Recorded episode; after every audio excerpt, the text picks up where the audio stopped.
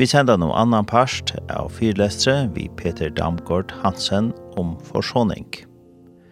Opptøkene er gjørt i kjeldene i Skalafire i mai måned 2019. Til Riktos som er steg for opptøkene, og ikke du er suttet hesopptøkene og er sendinger til Riktos, så kan du fære av YouTube og skrive Iktus Sjømarp. Ikke du annars er vita mer om Iktus, så kan du fære hjemmesiden riktos.fo.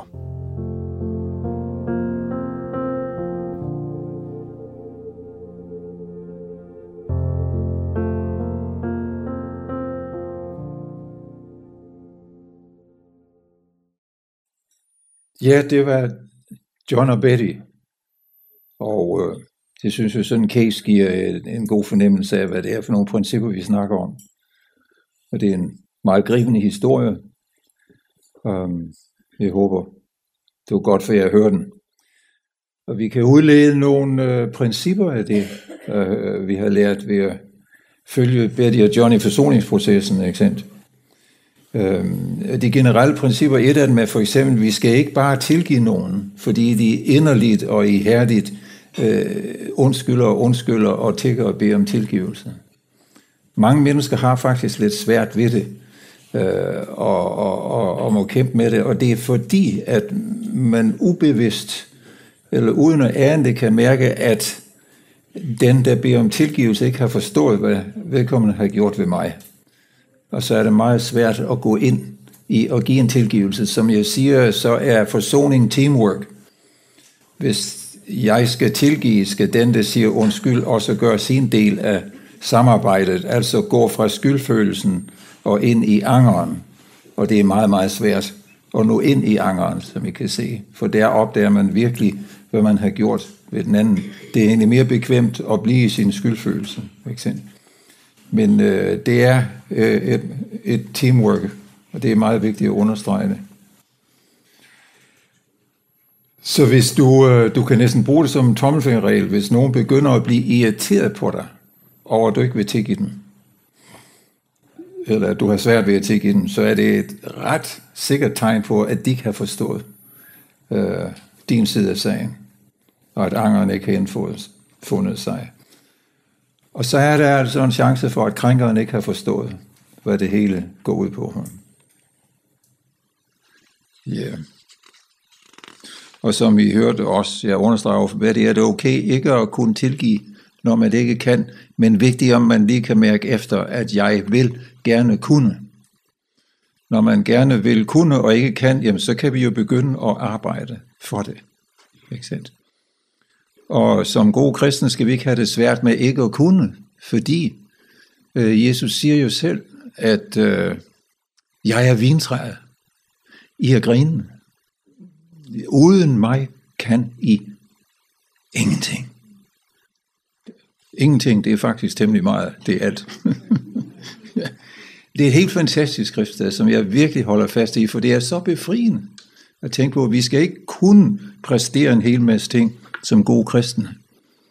Vi skal selvfølgelig have en vision om, hvor vi gerne vil hen, og kunne tilgive, og kunne have en stærk tro og sådan noget. Men det er ikke noget, vi kan af egen kraft. Men vi kan jo ikke åbne op for at få Guds kraft til at gøre det, hvis ikke vi først erkender, at vi ikke kan. Uden skyldfølelse. Og det er her, jeg tror, mange af os kristne let kommer til at føle skyldfølelse, hvis ikke vi kan tilgive, for det skal man jo kunne. Så hvis man går ind i skyldfølelse, så kan man slet ikke få fat i, så, så, så, øh, så øh, bider man sig fast i den idé om, at jeg skal kunne det her af min egen kraft. Jeg skal kunne det her for at få Guds tilgivelse. Det er også sådan, mange oplever færre hvor. Og det er ikke sådan, jeg mener, det skal forstås. Vi kan ikke give noget videre, vi ikke har fået. Vi kan ikke give en tilgivelse videre, hvis ikke vi har oplevet Guds tilgivelse tilgiv os vores synd, som også vi tilgiver vores syndere. Ikke sandt? Det hører jeg som, vi skal tilgive andre på samme måde, som Gud har tilgivet os. Jeg hører det ikke som, at han vil kun først tilgive os, hvis vi tilgiver andre. Og hvis I husker den der lignelse med, øh, hvad hedder det nu, øh, den der tjener, der skyldte sin herremester utrolig meget. Jeg kan ikke huske, hvad den hedder det er nemlig, jeg kan huske det her, det er en, der, der har en fantastisk gæld til sin mester. Og han øh, bliver frygtelig fortvivlet, kastet på knæ, har, har, har noget her, og, og, og mesteren ynkes over ham og tilgiver ham hele hans gæld, og han bliver frigivet. Og så går han ud, og på trappen møder han så en, der skylder ham noget, og griber ham i struben og siger, betal hvad du skylder mig.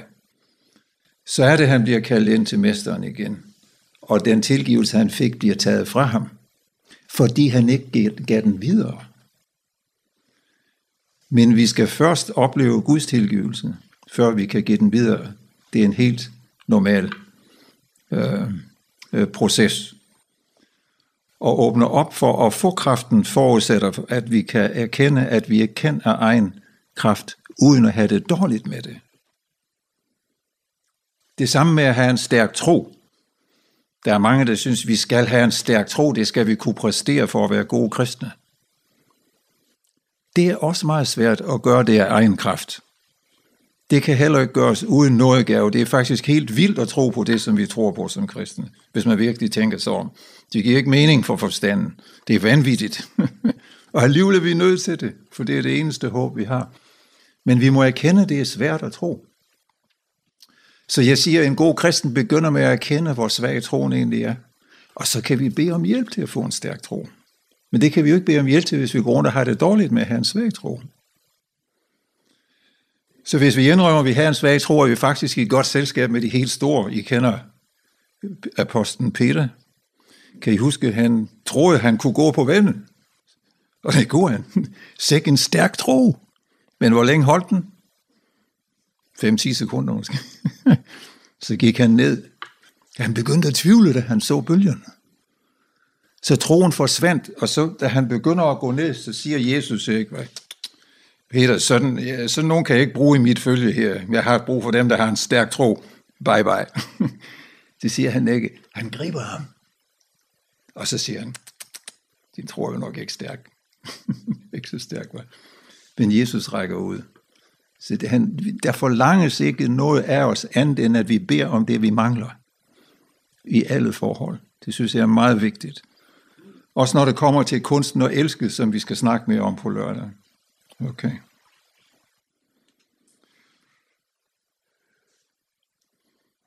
Nogle gange ser vi faktisk, at mennesker, der er blevet meget, meget, meget dybt såret, skynder sig med at tilgive. Som nu er det første, de gør. Vi har hørt nogle fantastiske historier om mødre, der har fået deres børn myrdet, og straks tilgiver morderen eller sådan noget. Jeg kender ikke det, men har hørt om det. Ja. Jeg tror altså, jeg tror ikke, altså nogle gange tror jeg, det kan være et forsøg på at undgå smerten. Det er en skøn sag at tilgive, så snart vi vil slet ikke gå ind i, for det gør så vildt ondt, at man kan næsten ikke klare smerten. Den bliver ulidelig i ordets bogstaveligste forstand. Og så kan man fortrænge smerten, når, og når man ikke kan føle smerten, så er det jo heller ingen vrede mod krænkeren, så er det lettere at sige, at jeg tilgiver dig. Men send tilgivelse, der flytter noget, kommer fra det blødende hjerte, der er bevidst om smerten. Og det smukkeste eksempel, vi har på, hvor rent og fuldkommen det kan gøres, det er Kristi tilgivelse fra korset, den yderste pine.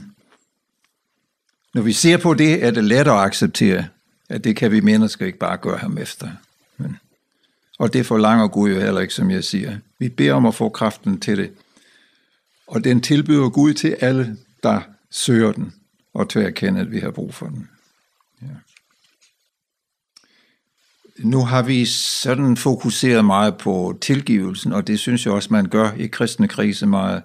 Vi fokuserer på, at vi skal tilgive en masse ting. Men det, hvis vi har fokus på det hele tiden, kommer det let til at lyde som om, at det er altid de andre, der gør os fortræd. Ikke sandt? Vi skal have et fokus med ind i det her. Et fokus på angeren også. Og hvordan kan vi angre bedst? I stedet for at formulere vores undskyldning som en bøn om tilgivelse, så kan vi sige det på den her måde. Jeg er så ked af at have gjort dig fortræd og forvoldt dig smerte Det må gøre vildt ondt i dig. Og hvis du ikke kan tilgive mig, så kan jeg fuldt ud forstå det og vil acceptere det. Så begynder det at ligne en undskyldning. Og så må vi jo indtil videre finde fred med vores skyld og samvittighed på anden måde og sætte den anden fri fra at skulle give os den der sjælefred. For eksempel. Og der kommer vores gudsforhold så ind i billedet, hvor det er vigtigt, at vi kan opleve Guds tilgivelse, hvis den anden ikke kan give os det. Når man tigger og beder den anden om tilgivelse, er det fordi, man ikke helt har oplevet Guds tilgivelse, man kan ikke få sjælefred, før den anden vil tilgive en. Så en forudsætning for, at man kan sætte den anden fri fra at skulle tilgive mig, er, at jeg oplever, at Gud har tilgivet mig og der er nogle gange, vi skal lave et stykke psykologisk arbejde også, har jeg oplevet, fordi mange kristne vil komme og sige, jamen jeg tror på, at Gud har tilgivet mig. Jeg går bare rundt og har skyldfølelse stadigvæk. Jeg siger, det hænger jo ikke sammen. Hvis du tror på tilgivelsen, sådan med hjertet, så er din samvittighed fredfyldt. Og så siger jeg, nå ja, det lyder jo rigtigt nok. Jeg tror på Guds tilgivelse, nu mangler jeg bare at skulle tilgive mig selv. Så siger jeg, nej, nej, nej. Vi kan ikke tilgive os selv. Det har vi ingen autoritet til. Hvis vi kunne det, så har vi jo ikke brug for Guds tilgivelse og hans soneoffer på korset. Jeg tror problemet er, siger jeg til vedkommende, du har i hjertet den tvivl på Guds tilgivelse. Der er ligesom noget, der mangler der. Og så begynder vi at arbejde på det, og skulle forstå tilgivelsens mysterium. Hvis man kan opleve og tro på Guds tilgivelse, uden at få lyst til at fare ud med en megafon og råbe det, over det hele. Det er rigtigt. Det er rigtigt. Vi er tilgivet. Så mangler man at kunne forstå noget af det, for det er fantastisk. Men igen, det giver ingen mening for den menneskelige forstand, at en tilgivelse kan blive, være så stor. Uanset hvad vi har gjort, kan vi få fred i forhold til Gud. Det giver ikke mening for forstanden. Så der har vi brug for lidt hjælp til at tro på tilgivelsens nådegave. Og igen, så må vi til at bede om det. Mm. Kan I følge mig i det? Det, der er meget mere, der kan sige om det her, og øh, der er jo det lille hæfte, det har jeg hørt om, hvor jeg har prøvet sammen alt det, jeg har givet jer i aften, så man kan købe et af det her eller tre. Det får en, en, en god pris i aften, hvis man gerne vil dele dem ud. Så det skal I være meget velkommen til. Øhm, der er også mange muligheder for at misforstå noget af det, jeg siger. Ikke sandt? Så det ville være rart, hvis nogen af jer har lyst til at kommentere noget eller har nogle spørgsmål, I vil stille, så er I meget velkommen til det, så jeg kan uddybe øh, nogle af de her ting.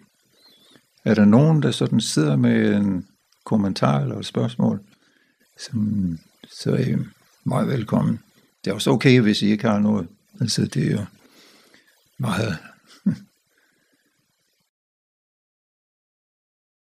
ja, det er Nogle gange kan et voldsomt ægteskabeligt skænderi jo opstå omkring, hvem skal bære skraldespanden ud, eller sådan noget, ikke sandt? Den kender vi, det er sådan den klassiske, eller der kan lille detalje øh, kan blæse det hele ud af proportioner, hvordan sker det egentlig? Det handler noget om, at vi jo har nogle behov i vores relation, og især vores ægteskab, for at blive øh, værdsat, ikke sandt? For det vi går og gør, Og hvis vi øh, i vores tidlige formeringsfase som børn ofte har oplevet, at vi ikke er blevet set eller anerkendt eller værdsat, så kommer vi, så har vi nogle dybe skuffelser derfra, øh, som gør meget, meget ondt, og som bliver revet op, hvis man pludselig i sit ægteskab oplever, at man ikke bliver anerkendt. Fordi de behov vi ikke fik til gode set i barndommen, som jeg var inde på, dem tager vi med os ind i vores voksenliv, og især ind i de romantiske relationer. Det kommer vi til at snakke meget om på lørdag. Hvor vores behov for kærlighed, som af gode grunde ikke blev mættet af vores forældre. Og, og det er igen, altså, der er mange forældre til stede her, jeg er en af dem, det er ikke for at dunke jer oven i hovedet. Vel? Det er bare sådan, det er. Og det er en anden spændende diskussion, hvorfor det er sådan. Men det er det. Vi leder efter en kærlighed, som vi ikke fik dengang. Og vi tror, vi har fundet den. Når vi bliver forelsket, så føles det, som om den kommer. Derfor er det jo, som om vi har fundet et paradis, men hvis I har lagt mærke til, at forelskelsen holder aldrig øh, hele tiden. Der kommer øh, gnidninger i det, og det er fordi, vi kommer ind med et meget, meget stort behov, som den anden ikke kan dække. Og den anden kommer jo også ind med et stort behov, som jeg ikke kan dække. Og så på et tidspunkt kommer der en konflikt, sådan at jeg føler, det jeg tror, jeg kunne få her, den anerkendelse, jeg tror, jeg kunne få, og som jeg satser på at få, den får jeg alligevel ikke. Og så kommer den vrede, jeg havde som, og sorthed, jeg havde som barn mod mine forældre, op og bliver ligesom aktiveret i, i ens forhold. Giver det mening? Det er sådan Kan I følge mig? Det er sådan temmelig abstrakt, og det er noget, jeg vil snakke mere om på, på lørdag, for ligesom, så vi kan forstå lidt mere de dynamikker, der kører i, i parforhold og ægteskabet. De handler nemlig meget om det. Der er mange, der mener, at de... Øh, altså, I kender udtrykket bagage. Vi har en bagage med fra barndommen, ikke sant? Der er mange, der mener, parterapeuter især, at 80% af de konflikter, vi har i ægteskabet, har at gøre med vores bagage. Mm-hmm. Ja. Jeg havde for eksempel en meget, meget skrab storsøster. Da hun sidder rundt med mig, og hun var meget jaloux på mig, for jeg var mors lille prins, og, og hun var meget, meget tilsidesat. Og hun havde en frygtelig smerte omkring det. Uh, så jeg fik det, jeg blev tit, altså kuret af min søster. Og det vil sige, at jeg nogle gange i mit ægteskab med Deborah, Hvis jeg synes, hun lever bestemmeligt for meget, så kan jeg blive meget rasende og sårt, som på en måde, som er helt ude af proportion, som hun jo slet ikke kan gøre for. Men det er fordi, jeg bliver mindet om lille Peter og storsøster og det der. Ikke sandt? Og det virker meget ægte. Så nogle gange kan jeg blive meget vred, og så må jeg til at sige undskyld bagefter. Når jeg kan se, at jamen, det er jo helt ude af proportion, de her ting. Så det er på den måde, og der, der har vi alle sammen så mange programmer kørende. Ja. Som det kan være godt at, at kende til, så vi kan ligesom have lidt ja, medfølelse med os selv for at være så helt ude i balance nogle gange, og også medfølelse med vores ægtefælde for nogle gange at være lidt ude af proportion. For eksempel, vi skal til at, at have lidt ondt af hinanden på en god måde. mm. Fik du lidt kommentar på det? Ja, fordi Ja, ja. Det, der sker i forsoningen, som vi så mellem Betty og John, ikke sant? det var en, en, en, en, en forsoning. Uh, vi kan se det, at det er ikke bare reparationsarbejde. Det er det mange, der tror, at i forsoning, der reparerer vi en skade. Ja, det gør vi også, men der sker noget andet og dybere. Der, det er en uddybelse af kærligheden, faktisk. Fordi det, John og Betty, de oplever til sidst, de oplever en samhørighed. I og med, at han kan se Bettys smerte, så er hun ikke længere alene med den. Grunden til, at hun havde det så svært, det var, at han ikke forstod hendes smerte. Han tænkte kun på sin egen smerte. Og så er de isolerede. Så er de ensomme i den relation, hvor de skulle føle sig sammen. Men gifter sig jo for at opleve samhørighed.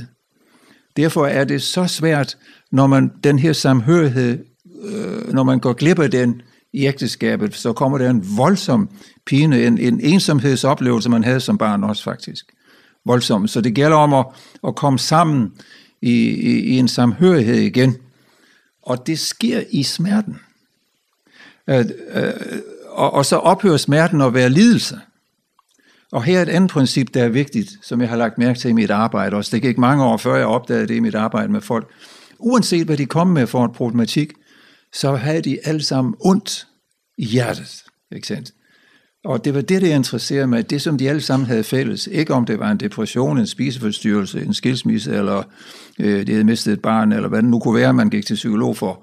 Det var det, at noget gjorde ondt.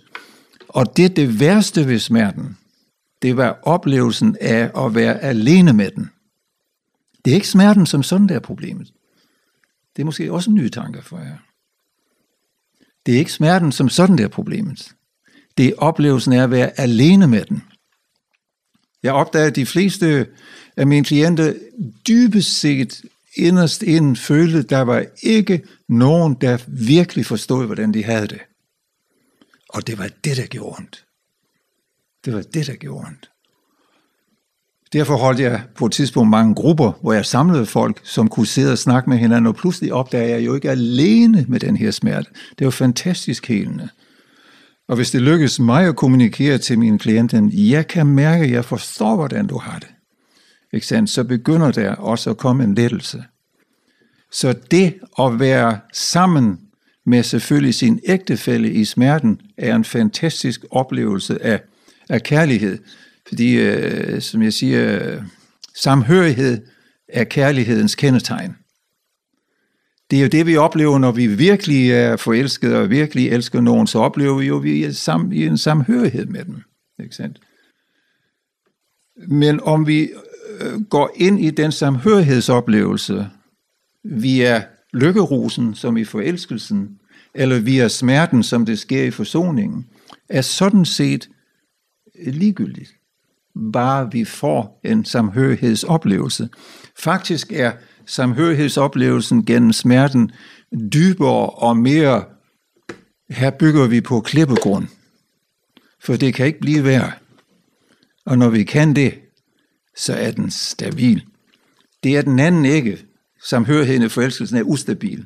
Derfor vil en forelskelse altid blive afløst af en krise på et eller andet tidspunkt som man så endelig ikke må misforstå som en, nu er det fordi vi har fundet en forkert eller sådan noget. Det er ofte det, folk øh, skynder sig og beslutter sig for, og så bliver man skilt og leder efter en anden en og sådan noget, og gentager det hele sig. Nej, det skal forstås på en anden måde. Ikke sandt? Vi skal have fundet den samhørighed i smerten sammen. Så er man et, og så, jamen så, er det, så er man bare glad. Det er en oplevelse af kærlighed. For det er ikke godt for mennesket at være ene. ikke sandt? Det kan man se det, Ja. Meget, meget vigtigt princip. Ja. Så I kan se, selvom det går skævt, selvom det går skidt, så er der en vej igen det. Det skal man lige finde. Kommer vi mere ind i på lørdag? Ja. Ja. Altså det er min, min tilgang til øh, psykiske lidelser Øh, der er mange forskellige diagnoser, der er hæftet på, mange forskellige former for psykiske lidelser. Og det gælder igen, uanset hvilken diagnose folk har, depression, skizofreni eller hvad det nu kan være, voldsom spiseforstyrrelse, så er der en smerte inde bagved. Mm. Og den smerte er så ulidelig, fordi folk oplever sig alene med den, at sindet opfinder en distraktionsmanøvre, som for eksempel kan være en depression. I det fordelen ved at være deprimeret er, at man ikke kan mærke så meget. Man kan ikke mærke glæde, man kan ikke mærke sådan gode følelsesmæssige svingninger, men man kan måske heller ikke mærke smerten så meget. Så det er som om, man lukker for en knap, så man ikke kan føle dybden, fordi det gør for ondt at gå ned og føle den smerte, det egentlig er der. Så i stedet for at se på mennesker med såkaldte sindslidelse som syge, ser jeg dem som mennesker, der lider. Det er, har I ordet sindslidelse på færøsk? Ja. Fordi det gamle udtryk sindslidelse er egentlig rigtig godt. Det har bare fået karakter af sindssyge. Og det er ikke sygt at være fyldt med smerte. Det hører med til menneskelivet siden syndfældet. Det er en del af vores øh, tilstand, og vi kan jo se, hvordan Gud går med os ind i smerten og lider den helt vildt i hans lidelseshistorie, uden at blive sindssyg. Ikke sant? Han er der for at tilbyde selskab i det. Så problemet med vores tilværelse er, kan man sige, at lidelse kan vi ikke undgå. Men vi kan undgå at lide alene. Og det giver en verden til forskel. Ikke sant? Og når jeg fortæller folk, der har en masse diagnoser de her ting, så er det som om deres menneskelige værdighed bliver genetableret. Jeg siger, du er egentlig ikke syg. Du lider bare så meget, at du ikke kan fungere godt. Du kan ikke koncentrere dig, du har en masse problemer, du fungerer ikke særlig godt. Men det er ikke fordi, du egentlig er syg, det er fordi, der er så meget smerte i dig, som du går alene med. Det resonerer med noget. Så det er det, der er brug for i behandlingen af mennesker med såkaldt sindslidelse. Det er ikke for meget fokus på alle de her symptomer. Det er vi selvfølgelig nødt til at gøre noget ved også, men vi skal, have, vi skal kigge ind i sjælen og se, hvor meget smerte det er. Det er. Ja. Kan I følge mig i det? det? Så jeg ser ikke, jeg ser ikke sindssyge mennesker. Jeg ser mennesker, der lider meget. Og det, det kalder jeg arbejde på hjerteplanet. Mm. Og det giver en, en god respons meget, meget hurtigt. Mm. Ja. Ja.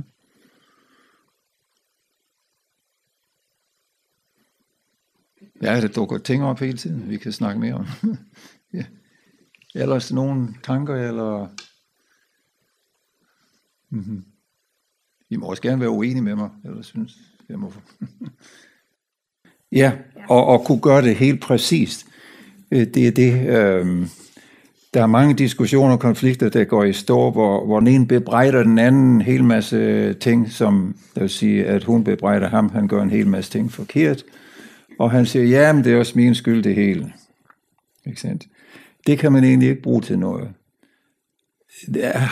Den mand eller fyr, der siger det, han skal blive bevidst om, hvad det er, han har gjort forkert.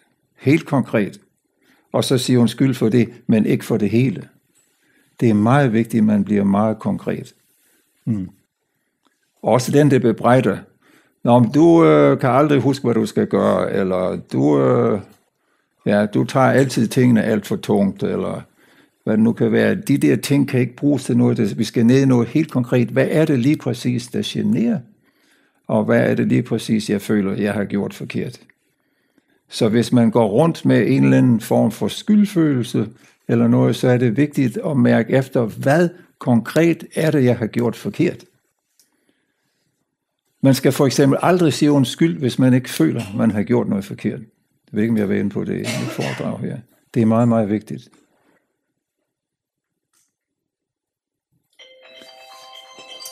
Men hvis der er en, der føler sig meget såret eller krænket over noget, jeg gjorde eller glemte at gøre, hvor jeg ikke gjorde det øh, ud fra en ondsindet hævnagt eller noget, men simpelthen overså noget eller noget, jeg ikke havde tænkt på, er det okay at sige, jeg er meget ked af, at jeg kom til at, at forsage smerte i dig. Men vi behøver ikke sige undskyld. Vi skal ikke have skyldfølelse, hvis ikke vi har gjort noget forkert, men medfølelse med den anden. Mm. Men det er meget, meget vigtigt princip at være konkret i måden, vi tænker over det på. Hvad er det, jeg har gjort forkert? Vi gør alle sammen noget forkert. Men den der med, jamen jeg gør også alting forkert, pas på med den. Fordi den, den kan vi ikke bruge til noget. Den er jo egentlig meget bekvem, for så behøver man jo ikke at, at forholde sig til noget som helst. Det er bare alt sammen galt. Ja, det er jo trist, ikke sandt? Men fordelen ved det er, at så kommer vi ikke ned i the nitty-gritty. Hvad er det virkelig, jeg har gjort forkert?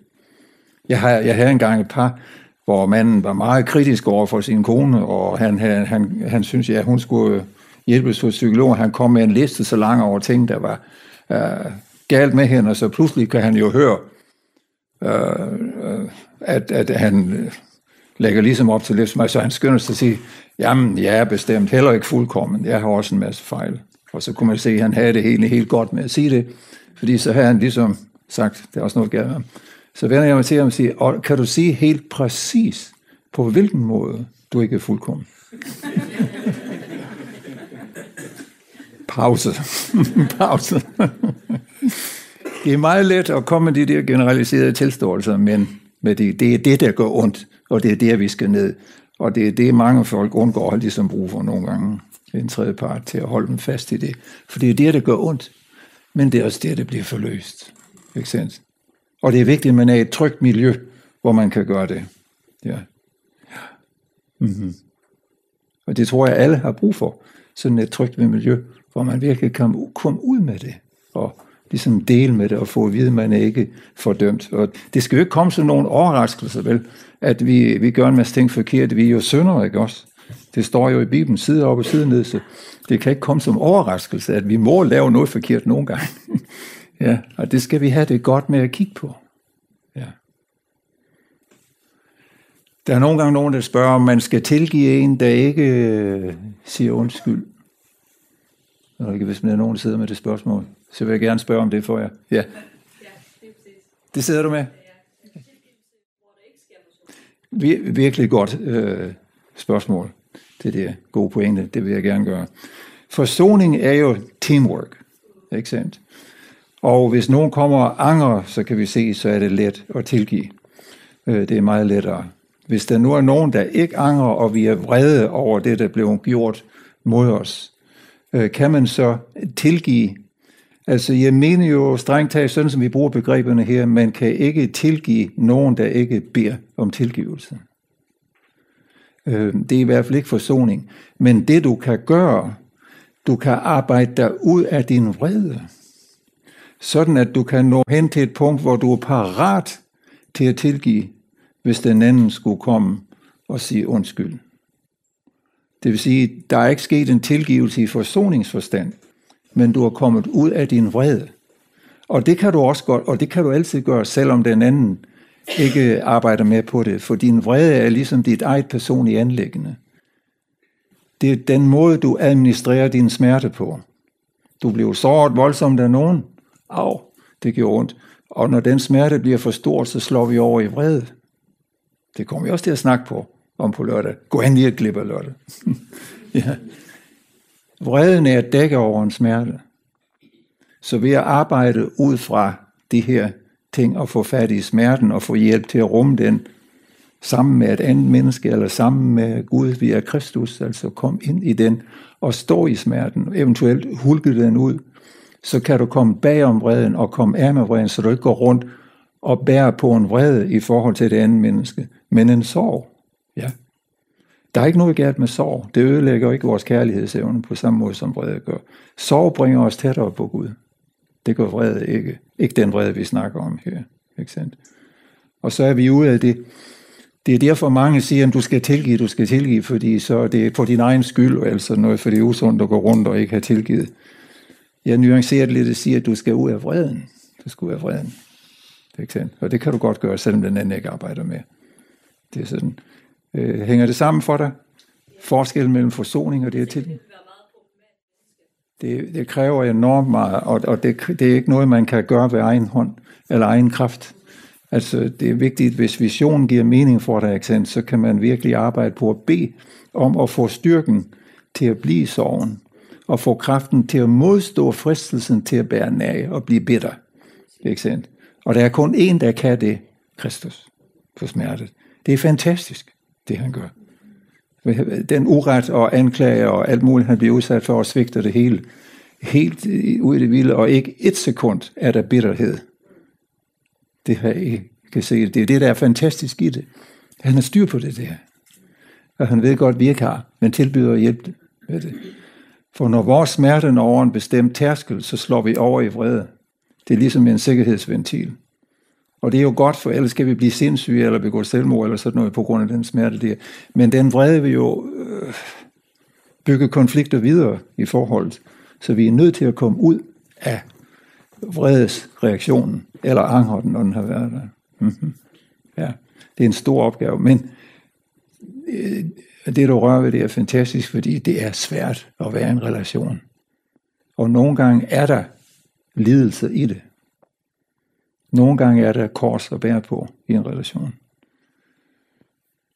En af mine bekendte, som har skrevet nogle bøger om kroppens teologi og om alle de her ting, han siger til meget rammende, at til ægteskabet hører der tre ringe.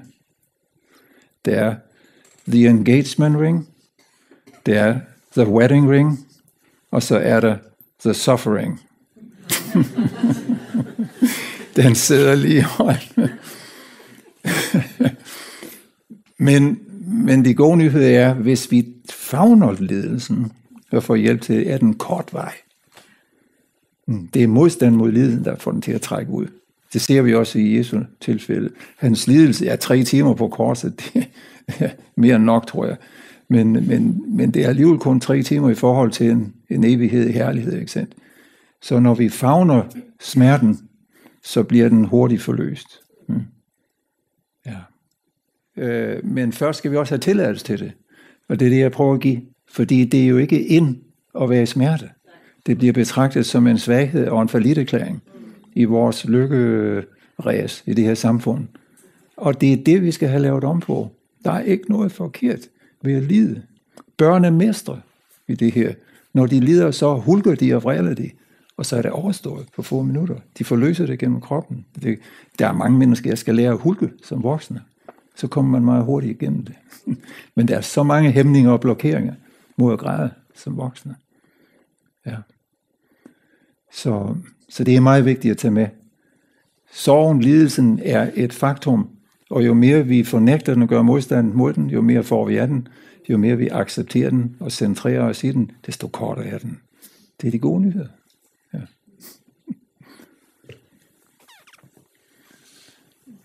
ja. Men det er jo snart lørdag, så vi kan jo lige så godt fortsætte med det, jeg har sagt. ja. Ja. Jeg tror, jeg vil gerne sige tak for i aften. Tak for jeres lyttende hjerter. Jeg har haft en rigtig dejlig oplevelse at møde jer. Jeg har haft meget god kontakt med jer. Det har været let at tale her. Det er, det er teamwork, det her. Ja, hvordan jeg oplever det, og om jeg bliver inspireret, afhænger meget af, hvad der sker. Mm -hmm. Så jeg vil gerne sige tusind tak for i aften. Tak igen, fordi I tog initiativet til det her. Og så fortsætter vi på, på lørdag. Og man er velkommen til, hvis der er øh, et, nogle spørgsmål, og, og, og e-mail mig bagefter. I må meget gerne tage en af mine brosyrer, hvor min kontaktinformation er. Jeg laver jo intensive parterapeutiske kurser i Danmark og sådan noget. Så det kan I læse mere om det her. Så I er meget velkommen til at, at lade høre fra jer, hvis I har en kommentar. Mm -hmm. Tusind tak.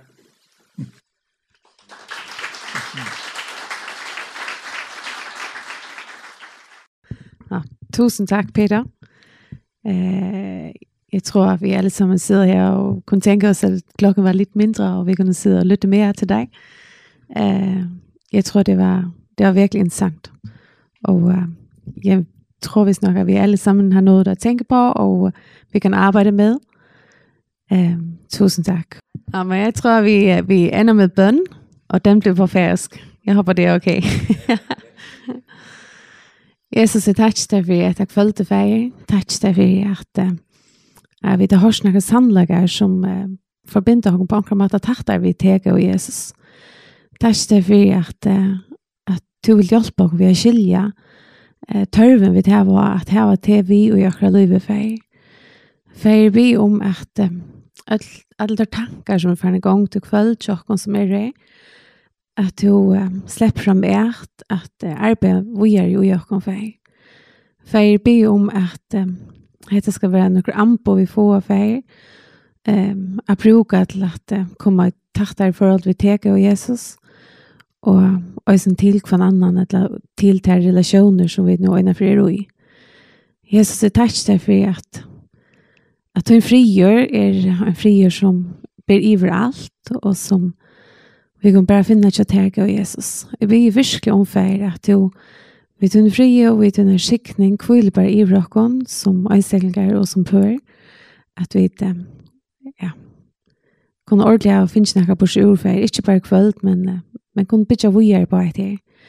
Takk deg for Jesus at, at du er så fantastisk og at vi kan ha inte allt fra deg. Jag vet det. Vi sträcker inte längre enn et visst.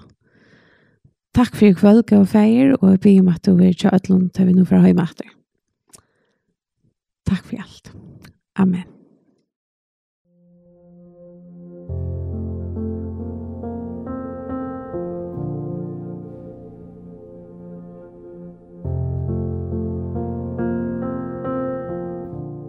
Vi har sendt annan parst av fyrlese vi Peter Damgård Hansen om forsoning. Opptøkken var gjørt i kjeldene i Skalafire i mai måned i 2019. Det er Iktus som er steg for opptøkene, og ikke du at sudja hesopptøkene og er sendinger til Iktus, så kan du fære av YouTube og skrive Iktus Sjømarp. Ikke du annars er vita mer om Iktus, så kan du fære heimasina iktus.fo.